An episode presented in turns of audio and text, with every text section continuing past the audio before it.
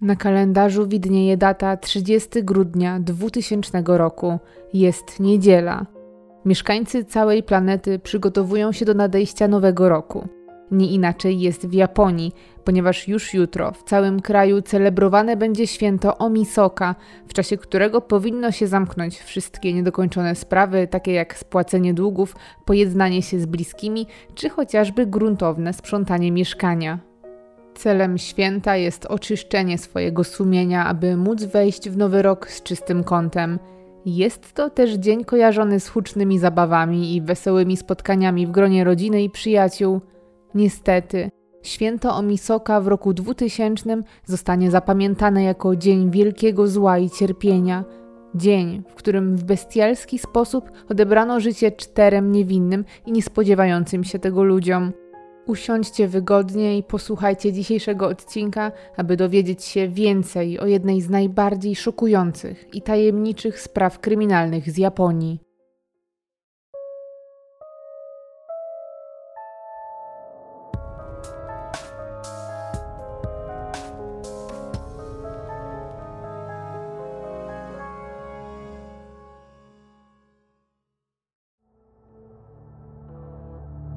Rodzina Miyazawa zamieszkiwała niewielki i ciasny dom typu bliźniak na przedmieściach okręgu Satagaya w Tokio. Dom składał się z parteru, którego większość stanowił garaż i niewielkie pomieszczenie, które spełniało rolę biura. To tutaj też wchodziło się do środka.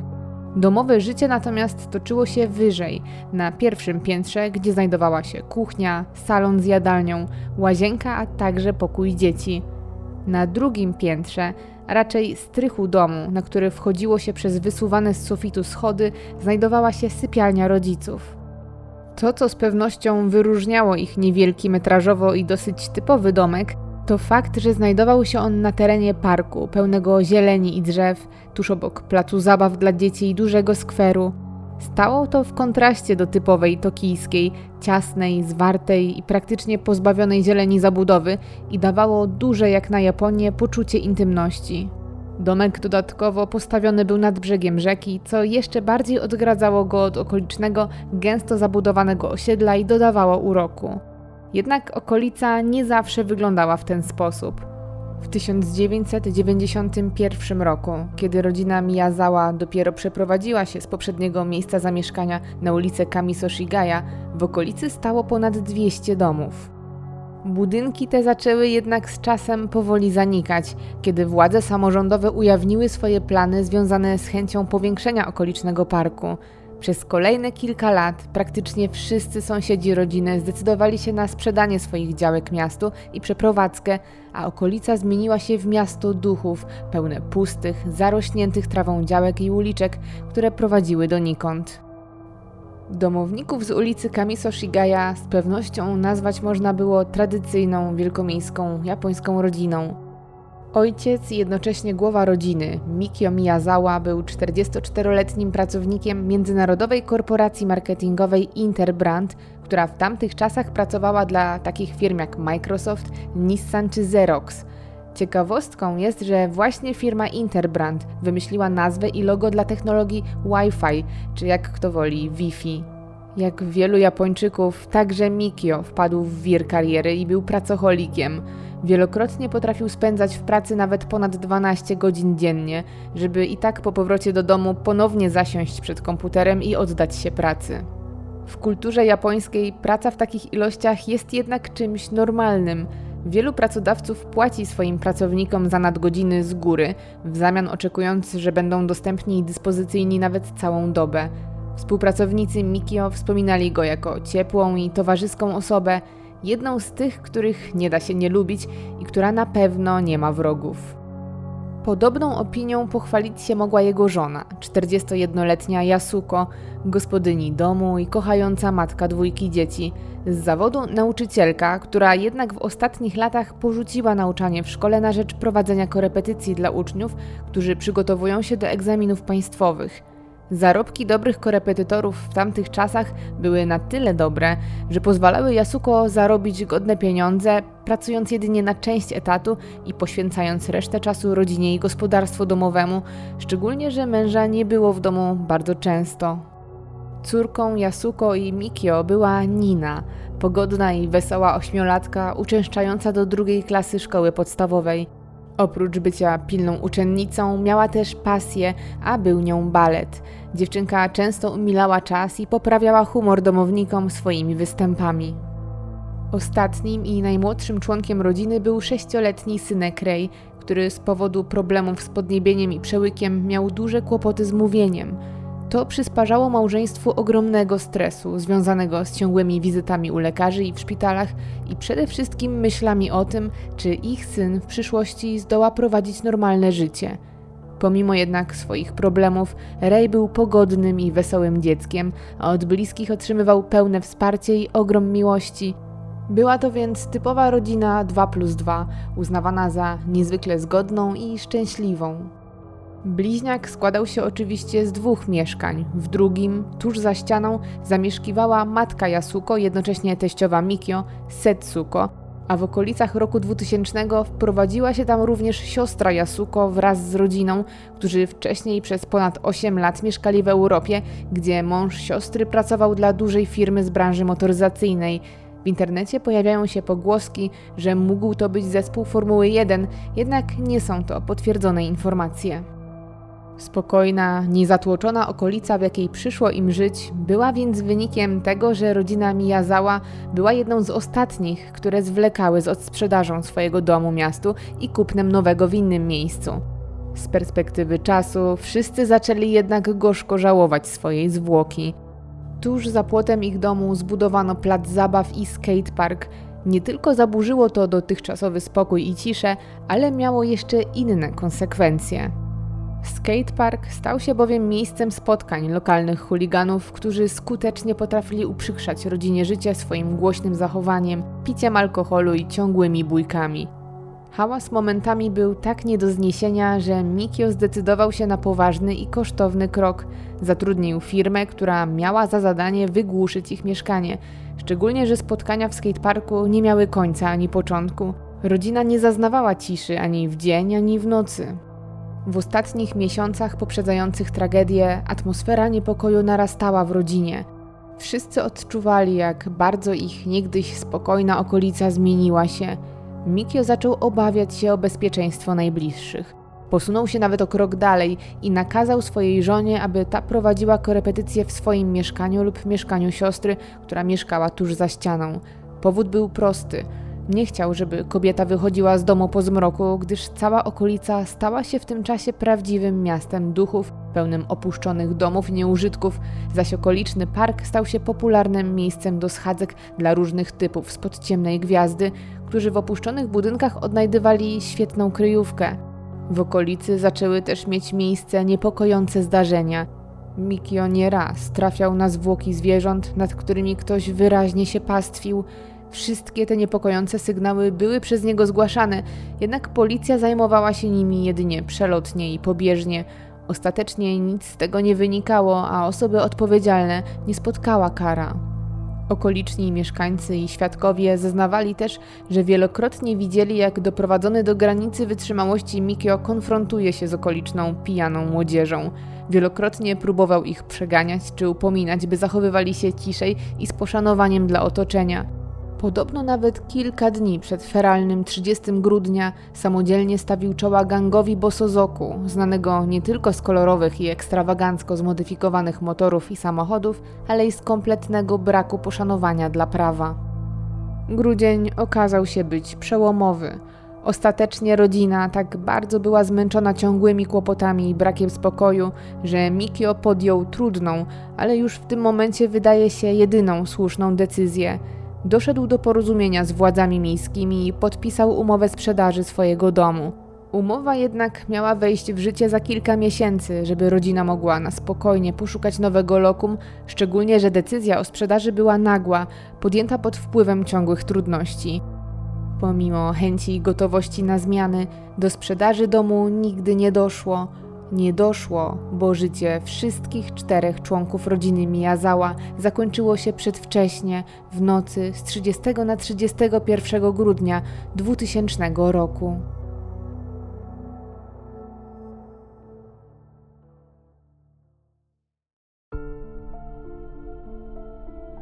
O poranku 30 grudnia 2000 roku domownicy przy ulicy Kamiso Shigaya na pewno obudzili się w nastrojach do świętowania.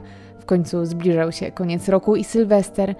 Dzień spędzili najprawdopodobniej odpoczywając i ciesząc się swoim towarzystwem. Mikio z całą pewnością też pracował przy komputerze, zaś Yasuko organizowała czas dla swoich dzieci. Wczesnym wieczorem w okolicach godziny 18 rodzina udała się na szybkie zakupy. Cała czwórka widziana była przez świadków w okolicznej galerii handlowej, a sąsiad, który przejeżdżał pod ich domem w okolicach godziny 18.30 zapamiętał, że w ich domu było ciemno, a auto zniknęło z podjazdu, co potwierdzało ich obecność na zakupach. W galerii handlowej nie spędzili jednak dużo czasu. Niedługo po godzinie 19 wszyscy wrócili do domu. Yasuko chwyciła za telefon stacjonarny i przedzwoniła do swojej mamy, mieszkającej za ścianą. Najprawdopodobniej zadzwoniła po to, aby zapytać, czy babcia nie chce może spędzić trochę czasu ze swoją wnuczką.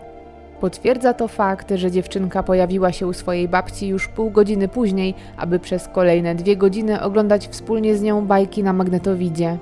Ostatnią czynnością, jaką zarejestrowano tej feralnej nocy, było zalogowanie się o godzinie 22.38 do służbowej skrzynki pocztowej Mikio. Była ona zabezpieczona hasłem, więc z dużą dozą prawdopodobieństwa można przyjąć, że to właśnie mężczyzna zrobił to osobiście. Wszystko więc wskazuje, że przynajmniej do godziny 22.40 nie działo się nic podejrzanego i wszystko było w porządku, a każdy z domowników cieszył się wolną od pracy i szkoły niedzielą. Oczywiście każdy oprócz Mikio, który część dnia spędził pracując zdalnie. Nadszedł poranek 31 grudnia. Setsuko, mieszkająca za ścianą babcia, postanowiła zadzwonić do swojej córki, aby zaplanować wspólnie dzień i omówić temat skromnej imprezy, którą zaplanowały na dzisiaj. Jednak gdy podniosła słuchawkę do ucha, zamiast charakterystycznego sygnału, usłyszała ciszę. Szybko okazało się, że jej telefon nie działał. Kobieta zdziwiła się odrobinę, ale uznała to jedynie za drobną, tymczasową awarię. Nie miała przecież powodów, by myśleć inaczej. Szybko założyła więc kurtkę i udała się do mieszkania córki, aby porozmawiać z nią osobiście, skoro nie może wykonać telefonu. Kobieta stanęła przed wejściem i kilkukrotnie zapukała do drzwi, ale nikt nie otwierał. Było to bardzo podejrzane, ponieważ auto Yasuko i Mikio stało przed domem, a rodzina z reguły poruszała się właśnie za jego pośrednictwem i jego obecność na podjeździe była wręcz gwarancją tego, że ktoś na pewno jest w środku. Dodatkowo była godzina dziesiąta, a dom jej córki był niewielkich rozmiarów. Spodziewać się więc można było gwaru dochodzącego z za drzwi wejściowych. Tym razem jednak za drzwiami panowała głucha cisza. Matka Yasuko obróciła się na pięcie i wróciła na chwilę do swojego domu. Po minucie wróciła pod drzwi córki z zapasowym kompletem kluczy. Otwierając drzwi do mieszkania rodziny Miyazawa, jej oczom ukazał się widok, który zapamięta już do końca swojego życia. Zaraz przy wejściu u stóp schodów w malutkim przedsionku na parterze mieszkania leżał Mikio. Kobieta w stanie kompletnego szoku przeszła nad ciałem swojego zięcia w nadziei, że na piętrze znajdzie swoją córkę i wnuki. Jednak nadzieja prysła niemal natychmiast. Cała trójka znajdowała się na piętrze w okolicach schodów. Wszyscy nie żyli już od wielu godzin. Starsza kobieta w szoku osunęła się na ziemię. Przecież jeszcze kilka godzin temu rozmawiała ze swoją córką, ze swoją wnuczką, oglądały jej ulubioną bajkę. Jej świat dosłownie się zawalił. Rodzina Miyazała przestała istnieć. Tokijska policja, zaalarmowana przez zrozpaczoną kobietę, zjawiła się na miejscu bardzo szybko. Plotka o tym, co wydarzyło się poprzedniej nocy, szybko rozprzestrzeniła się po okolicy, dlatego oprócz śledczych na miejscu pojawił się także tłum okolicznych mieszkańców. Wszyscy chcieli dowiedzieć się, co się stało i czy plotki mają odzwierciedlenie w rzeczywistości. Z tego też względu, dla dobra śledztwa, dom ofiar został niemal natychmiast zasłonięty przed gapiami za pomocą wysokiej niebieskiej płachty, za którą rozpoczęły się intensywne prace. W czasie, gdy jedni policjanci zabezpieczali ślady na miejscu zbrodni, inni zbierali zeznania od rodziny i sąsiadów. Skala tragedii była ogromna i zszokowała nawet doświadczonych policjantów, którzy byli teraz zdeterminowani, żeby rozwiązać zagadkę i schwytać osobę za to odpowiedzialną. Jednak już na samym początku spotkali się z trudnościami. Okazało się, że nikt z rodziny mieszkającej tuż za ścianą nie widział ani nie słyszał niczego podejrzanego. To zdumiewające, zważywszy na to, co policjanci zastali w środku. Jedynym wydarzeniem z poprzedniej nocy, o którym wspominał szwagier zamordowanego Mikio, było głośne uderzenie słyszane z za ściany w okolicy godziny 23.30. Był to jednak pojedynczy dźwięk i żaden z domowników z za ściany nie zwrócił na niego większej uwagi. Przecież w mieszkaniu obok była dwójka małych dzieci i oczywistym było, że prawdopodobnie bawiły się biegając po domu. Takie odgłosy nie były niczym niezwykłym. Śledczym udaje się jednak ustalić, że w rzeczywistości to głośne uderzenie słyszane w okolicach północy było najprawdopodobniej dźwiękiem Mikio spadającego ze schodów. Mówiąc o Mikio, warto dodać jeszcze jeden ciekawy i bardzo dziwny szczegół. W momencie swojej śmierci mężczyzna miał na sobie garnitur, mimo iż tego dnia nie był przecież w pracy, a od wielu godzin przebywał w domu. Według niektórych źródeł miał nawet na sobie jednego buta. Czy więc mężczyzna właśnie gdzieś wychodził, czy też może kogoś się spodziewał i chciał wyglądać elegancko? W toku śledztwa, po zebraniu licznych dowodów i śladów, ustalono przebieg tych dramatycznych wydarzeń, jakie najprawdopodobniej miały miejsce w nocy z 30 na 31 grudnia. Około godziny 23.30 nieznany sprawca wdrapał się na drzewo znajdujące się w parku, rosnące na granicy z domem ofiar, z którego następnie udało mu się przeskoczyć na okno do łazienki znajdującej się na piętrze. Okno było relatywnie duże i najprawdopodobniej także uchylone w celach wentylacji pomieszczenia. Intrus, który najwyraźniej był zdeterminowany, by dostać się do środka, nie miał z tym dużego problemu. Po opuszczeniu łazienki oprawca znalazł się w niewielkim korytarzu. Najbliższe drzwi kierowały do pokoju, w którym spało najmłodsze z dzieci, mały Rej. Napastnik udał się tam i użył gołych rąk, aby zakończyć życie chłopca. Szamutanina musiała jednak zwrócić uwagę Mikio, który akurat spędzał czas na parterze przed komputerem. Mężczyzna, słysząc hałasy na piętrze, szybko wbiegł na górę, gdzie zastał widok obcego mężczyzny klęczącego nad jego synem. W desperackiej próbie obrony syna, Mikio zdecydował się na atak, nie wiedząc jednak, że intruz uzbrojony jest w ostrze do krojenia sashimi. Noże tego typu są długie i wąskie i niesamowicie ostre. Mimo heroicznej walki, mężczyzna otrzymał kilkadziesiąt ciosów w okolice twarzy, szyi i głowy, a część ostrza wbiła się w jego czaszkę i odłamała. Mikio został wypchnięty z pokoju z taką siłą, że przeleciał wręcz przez mały korytarzyk, następnie spadł ze schodów na sam parter. Tej nocy Yasuko i mała Nina spały na poddaszu w sypialni rodziców. Najprawdopodobniej dziewczynka bała się spać sama w swoim pokoju, który dzieliła z młodszym bratem i poprosiła mamę, by mogła spać z nią. W momencie napaści obie najprawdopodobniej były pogrążone w śnie, gdyż nieznany sprawca zdołał dostać się także na strych i zaatakować tam, nim wstały z łóżka i zorientowały się, co się dzieje. Napastnik zaatakował kobietę i jej córkę połamanym już nożem do sashimi, zadając wiele ciosów na oślep. Szybko jednak wycofał się z poddasza, udając się do kuchni. Wpółżywa Yasuko w akcie desperacji wzięła swoją nieprzytomną córkę na ręce i rzuciła się do ucieczki. Niestety, na ich drodze ponownie stanął nieznany mężczyzna. Tym razem trzymał ostrze, które wziął z kuchni Yasuko. Intrus powalił kobietę i zaczął zadawać kolejne ciosy. Jego zachowanie można nazwać zwierzęcym szałem. Kobieta, jak i wszyscy inni domownicy, nie mieli szans. Ten bestialski mord całej rodziny, jakiego dopuścił się napastnik, zszokował śledczych. Zszokowało ich także to, co mężczyzna zrobił później.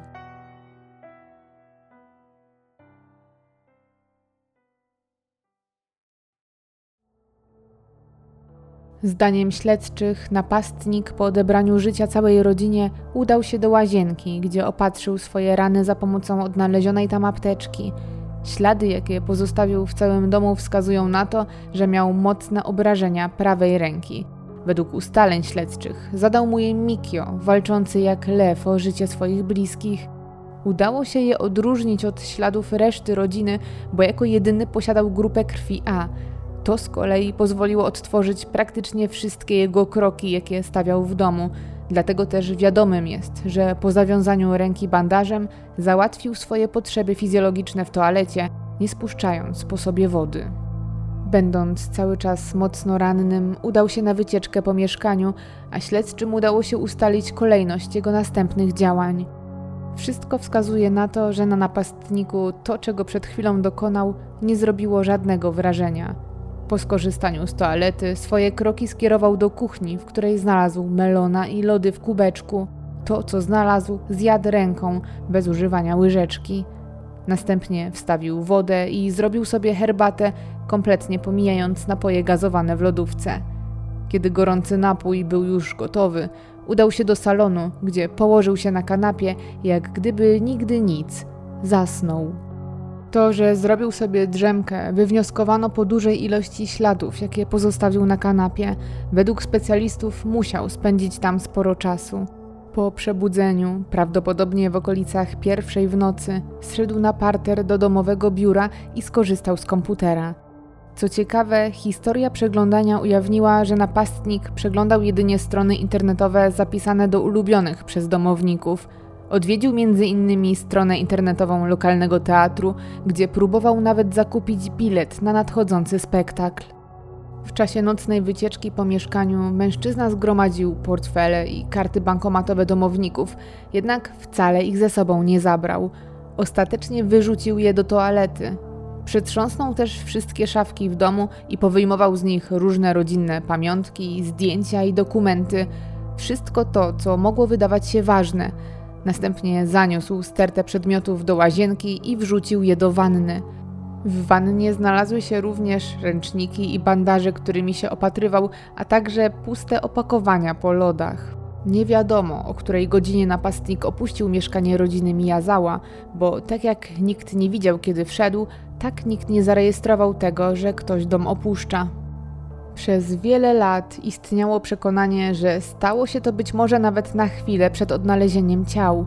Takie podejrzenie wynikało z faktu, że około godziny 10 rano ktoś ponownie korzystał z komputera i uruchomił stronę internetową firmy Interbrand, w której pracował Mikio.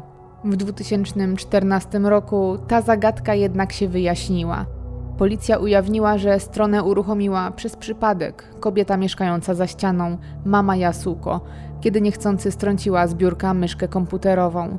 Aby to potwierdzić, przeprowadzona została seria eksperymentów i prób odtworzenia takiej sytuacji.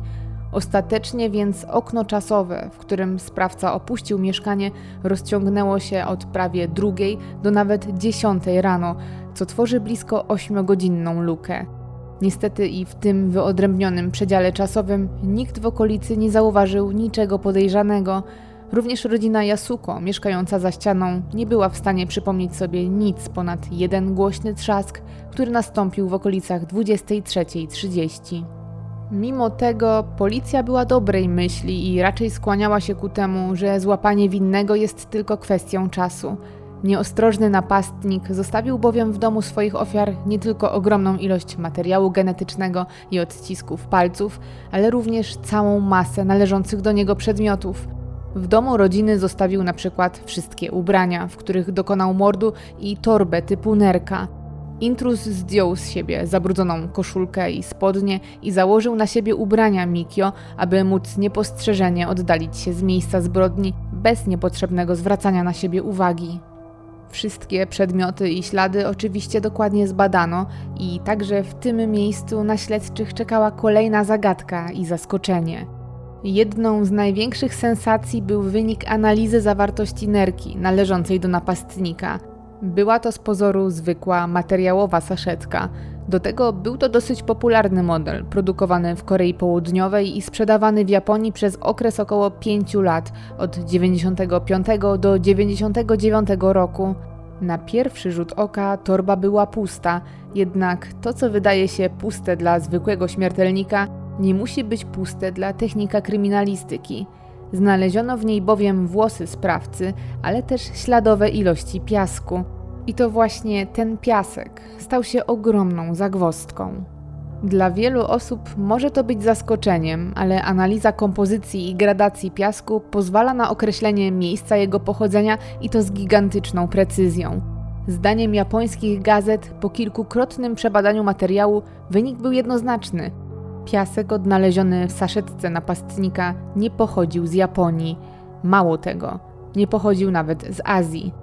Ten konkretny rodzaj piasku znaleźć można było tylko w jednym miejscu na świecie na pustyni Mojave na zachodnim wybrzeżu Stanów Zjednoczonych, a dokładniej w okolicy bazy sił powietrznych Edwards. Zaczęto więc spekulować, że napastnikiem mógł być amerykański lotnik wojskowy lub inny mundurowy, których na terenie Japonii przebywało ponad 50 tysięcy, z czego kilkuset w okolicznej bazie lotniczej Yokoto. To sensacyjne doniesienie nie zostało jednak nigdy oficjalnie podane przez policję. Oficjalne raporty policyjne zawierają jednak dane o analizie pozostałych śladów. Potwierdzonym jest, że na miejscu zbrodni znaleziono odciski butów brytyjskiej marki Slazenger. Te, które nosił napastnik, można było nabyć w Japonii i Korei, jednak ten konkretny rozmiar sprzedawano tylko w Korei. Pozostałe przedmioty, takie jak koszulka, kurtka czy rękawiczki, sprzedawane były tylko w Japonii i to w większości w przedziale między 99 a 2000 rokiem. Włosy pozostawione w nerce i na czapce oraz ślady z rany pozostawione na miejscu zbrodni pozwoliły na przeprowadzenie analizy materiału genetycznego sprawcy.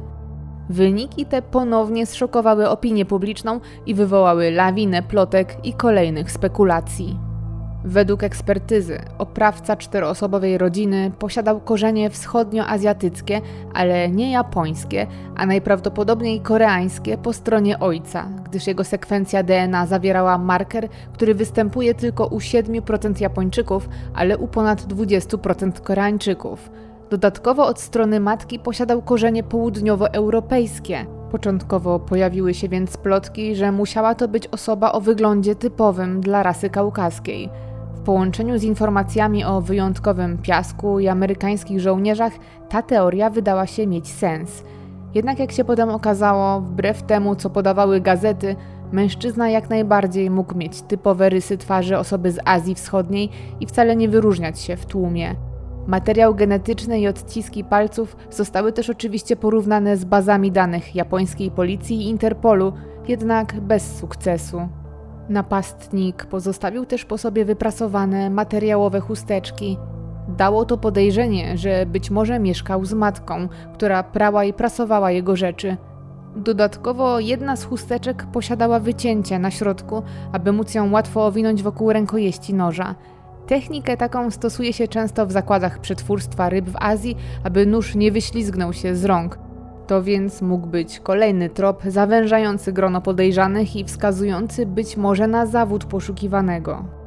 Łącząc w całość resztę badań i eksperymentów, ustalono, że intrus miał około 35 lat i 1,70 m wzrostu, przeciętną budowę ciała, czarne, krótkie włosy i najprawdopodobniej, mimo posiadania europejskich korzeni, miał rysy typowego mieszkańca Azji Wschodniej. To jednak wciąż za mało, by wytypować kogoś konkretnego. Istotne więc było znalezienie jak największej liczby osób, które mogłyby mieć coś do powiedzenia w sprawie. Nagłośnienie w mediach tragicznej historii rodziny sprawiło, że na policję zaczęli zgłaszać się ludzie twierdzący, że ich zdaniem widzieli napastnika – Najbliższe prawdy wydawały się być zeznania kobiety, która twierdziła, że w nocy z 30 na 31 grudnia przejeżdżała pod domem rodziny Miyazawa, kiedy nagle z krzaków wyskoczył roztrzęsiony mężczyzna i wbiegł jej prosto pod koła. Na ulicy przed domem nie znaleziono jednak żadnych śladów po rannym przecież napastniku. Zeznań tych też nie udało się w żaden inny sposób potwierdzić i trop został porzucony. Ale to nie był koniec pojawiających się poszlak. Na policję zgłosiła się również obsługa stacji kolejowej Tobunikko, znajdującej się kilka godzin jazdy pociągiem od Setagai, jednak leżąca przy tej samej linii kolejowej. Już po zabójstwie, w godzinach popołudniowych, do tamtejszego punktu medycznego zgłosił się młody mężczyzna z rozległą raną prawej dłoni. Mimo bardzo poważnych obrażeń i widocznych wręcz kości, Mężczyzna zachowywał się arogancko i nonszalancko. Jego rana została opatrzona, mimo że ten nie zgodził się na podanie żadnych danych osobowych ani okoliczności, w jakich uszkodził sobie dłoń w tak dotkliwy sposób. Tajemniczy człowiek po udzieleniu mu pomocy zniknął tak samo szybko, jak i szybko się pojawił. Nikt nie był w stanie powiedzieć nawet skąd przyszedł, ani w którą stronę się udał. Pojawiło się też wielu innych świadków, którzy widzieli mężczyznę pasującego do opisu, krążącego w okolicy znajdującej się nieopodal stacji kolejowej Senagawa. Mężczyzna kręcił się po okolicy bez celu i zwracał na siebie uwagę, bo wydawał się być ubrany nieadekwatnie do pogody. Również na dzień przed popełnieniem zbrodni, w sklepie oddalonym o kilka minut od domu tragicznie zmarłej rodziny, mężczyzna pasujący do opisu zakupił dokładnie taki sam nóż do sashimi, jakiego użyto do ataku na rodzinę. W ramach śledztwa pojawiła się również teoria o większej liczbie napastników lub wspólnikach stojących na czatach. Na policję zgłosił się taksówkarz, który w późnych godzinach nocnych podjął kurs z ulicy znajdującej się zaledwie 5 minut jazdy od domu rodziny Miyazała. Do samochodu wsiadło trzech mężczyzn i poprosiło o kurs na najbliższą stację kolejową. Przez całą drogę nie odzywali się ani do siebie, ani do kierowcy. Dopiero następnego dnia taksówkarz zorientował się, że jeden z mężczyzn krwawił i zabrudził tapicerkę, jednak zamiast zgłosić ten fakt na policję, mężczyzna po prostu oddał auto do gruntownego czyszczenia, zacierając przy tym wszystkie ewentualne ślady. Dopiero materiały w gazetach i telewizji pozwoliły mu powiązać te dwa wątki i zgłosić się do śledczych, ale na przeprowadzenie jakichkolwiek badań było już za późno. Istotnym w rozwiązaniu każdej sprawy kryminalnej jest motyw. Policja rozważała ich kilka. Pierwszym z nich był zwyczajny rabunek, bo z domu zniknęło 150 tysięcy jenów, czyli około 5 tysięcy złotych. Jednak zarówno wtedy, jak i dzisiaj ta kwota nie powala i jest kompletnie niewspółmierna do popełnionych czynów. Nie były to również wszystkie pieniądze i kosztowności znajdujące się w domu. Napastnik przetrząsnął przecież wszystkie szafki na parterze, wyjmując z nich przypadkowe dokumenty, a nawet kasetkę z pieniędzmi, którą ostatecznie i tak porzucił. Również portfele odnalezione w toalecie wciąż miały w sobie pieniądze. Sprawca nie wyciągnął z nich gotówki. Sceptycy tej teorii wytykają jej też znacznie większą dziurę. Czy gdyby napastnik zaatakował domowników na tle rabunkowym i doszłoby do szarpaniny, w której zginęliby ludzie, to spędziłby w mieszkaniu swoich ofiar jeszcze kilka godzin, racząc się zawartością lodówki i śpiąc na ich kanapie? Czy pozwoliłby sobie na pozostawienie wszędzie swojego DNA i odcisków palców? Czy motywem zbrodni mogła być więcej zemsta, czy chęć odegrania się? Mikio wielokrotnie konfrontował się z chuliganami hałasującymi w pobliskim skateparku i na placu zabaw za jego domem. Być może któryś z nich postanowił dać mu nauczkę za ciągłe upominanie. Strój pozostawiony na miejscu zbrodni zdecydowanie pasuje do mody, jaka panowała w tamtejszej subkulturze skaterów. Być może Mikio mimowolnie stał się świadkiem czegoś, czego nie powinien zobaczyć. W okolicy mogły być sprzedawane narkotyki lub lokalne gangi mogły korzystać z okolicznych nieużytków, by spotykać się i omawiać swoje sprawy. Brany pod uwagę jest również scenariusz, w którym sprawcą była osoba znana rodzinie Miyazała. Być może był znajomym, a może jedynie kimś, kogo Mikio widział już wcześniej na ulicy i z nim rozmawiał. W internecie spekuluje się, że sprawca możliwe, że wszedł do domu drzwiami frontowymi i już w środku mógł zaatakować nieświadomego zagrożenia Mikio jako pierwszego. Okno łazienkowe mogło być jedynie punktem ucieczki, a nie wejścia. To by mogło też wyjaśniać, czemu mały Rej został uduszony, nie zaatakowany ostrzem, które zostało złamane po walce z głową rodziny. Być może w ten sam sposób chciał pozbawić życia śpiącą mamę i córkę, ale gdy te obudziły się, użył po prostu tego, co miał pod ręką. Teoria ta, choć popularna w mediach, to nie jest poruszana w żadnym raporcie policyjnym.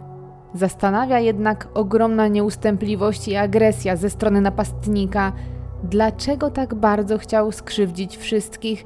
Czy jednak łączył go z rodziną lub którymś jego członków związek emocjonalny? Tego nie udało się ustalić. Minęło już 21 lat od zdarzeń z feralnej nocy z 30 na 31 grudnia 2000 roku. Mimo odnalezienia dziesiątek dowodów, odcisków palców, materiału genetycznego oraz wielu świadków twierdzących, że widziało podejrzanego mężczyznę pasującego do opisu sprawcy, to do dzisiaj sprawa nie poruszyła się do przodu nawet o milimetr. Przez cały ten czas w śledztwie wzięło udział ponad 250 tysięcy policjantów z Japonii i państw członkowskich Interpolu. Zebrano ponad 16 tysięcy sztuk dowodów w sprawie. Wszystkie z nich do dzisiaj przechowywane są w domu, w którym popełniono zbrodnie. Mimo tak ogromnego wysiłku ze strony tokijskiej policji, sprawca do dzisiaj być może cieszy się wolnością, a na pewno nie poniósł konsekwencji swojego czynu. Jednak pomimo upływu aż 21 lat, sprawa jest cały czas aktywna i pracuje przy niej ponad 40 śledczych. Dla japońskiej policji rozwiązanie zagadki morderstwa w Setagai stała się już punktem honoru. Niektórzy policjanci tak mocno i osobiście zaangażowali się w sprawę, że stali się wręcz przyjaciółmi rodziny na stopie prywatnej. Jedna z policjantek prowadzących sprawę od ponad 15 lat regularnie odwiedza Setsuko, mamę zamordowanej pani domu. Pomaga starszej kobiecie z zakupami i zwyczajnie po ludzku przychodzi porozmawiać i podtrzymać ją na duchu. Również co roku, 30 grudnia, przed domem rodziny Miyazawa odbywa się uroczystość, w której przedstawiciele tokijskiej policji składają kwiaty pod drzwiami domu. Cały czas poszukiwane są nowe sposoby na wykorzystanie już posiadanych tak licznych dowodów. W grudniu 2021 roku zapowiedziano wykorzystanie nowatorskiej metody analizy materiału genetycznego w celu wykonania kompozytowego portretu pamięciowego sprawcy. Być może nadejdzie w końcu dzień, w którym sprawiedliwość dosięgnie bestię, która w tak bezsensowny sposób odebrała życie czwórce niewinnych, dobrych ludzi. Pozostaje wierzyć, że sprawa rodziny Miyazawa zostanie kiedyś zamknięta. W tej zbrodni przerażający jest brak sprawiedliwości i okrucieństwo, ale i fakt, że wszystko wydarzyło się, kiedy cała rodzina była razem we własnym domu, przekonana, że nic jej nie grozi.